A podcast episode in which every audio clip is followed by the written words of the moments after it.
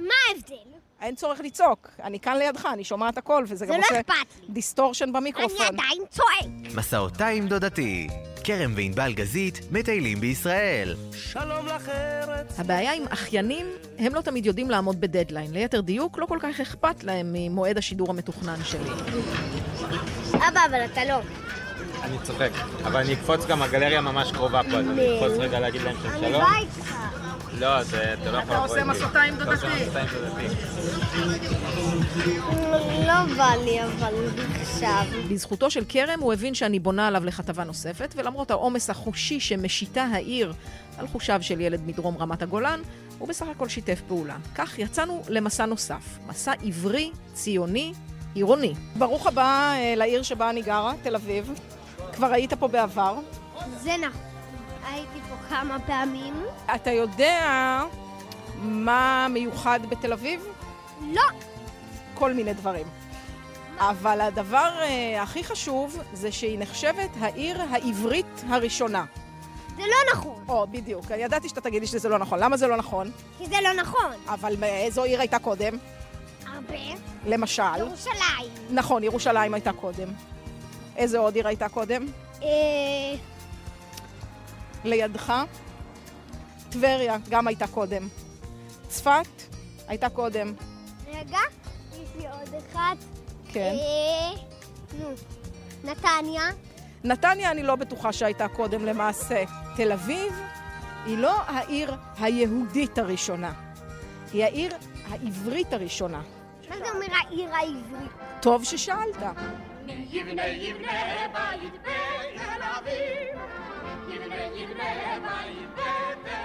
אקצר את התשובה. זו הפעם הראשונה בתקופת שיבת ציון המודרנית, כלומר הציונות, בה התארגנו יהודים לבנות עיר. ואם זו לא העיר העברית הראשונה, אני לא יודעת מה כן. אז יצאנו לראשית שדרות רוטשילד, לראשית העיר ולראשית המדינה, לבית העצמאות. הבית אה, שבו הקימו את המדינה הוא עכשיו בשיפוצים. בוא, בוא נראה. אי אפשר להיכנס לפה עכשיו, וזה מאוד חבל. אבל תסתכל על הבניין הזה.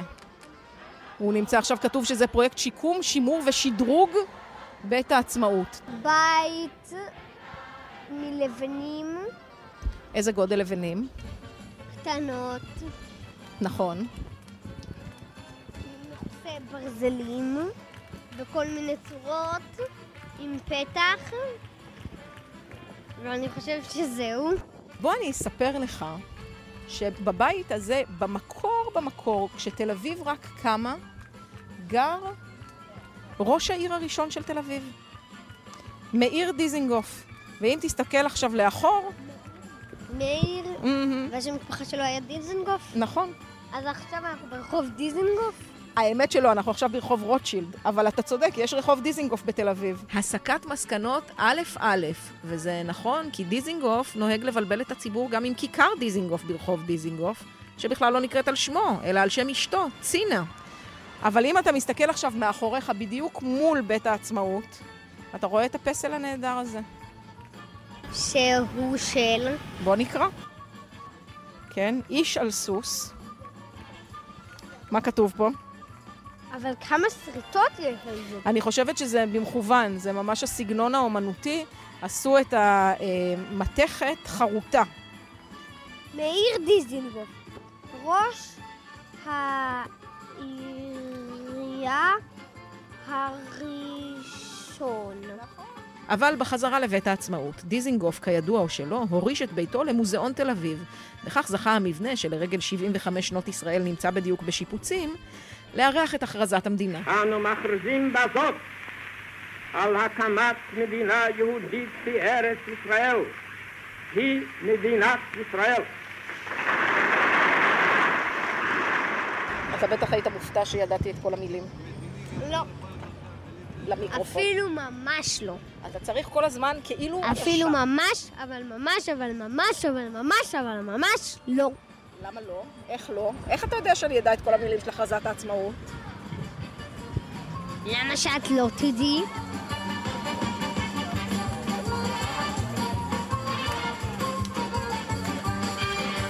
האמת שלכרם הייתה אמונה גדולה יותר בדודתו מאשר לי הייתה באחיין הנהדר שלי. מה עושה מגילת העצמאות? אומרת אה, שישראל הופכת להיות מדינה. הוא לא טעה בענק, ובלי להיכנס לענייני הפוליטיקה ההיסטוריים והעכשוויים, מגילת העצמאות בראש ובראשונה באמת הכריזה על קיומה של מדינה חדשה בעולם, מדינת ישראל.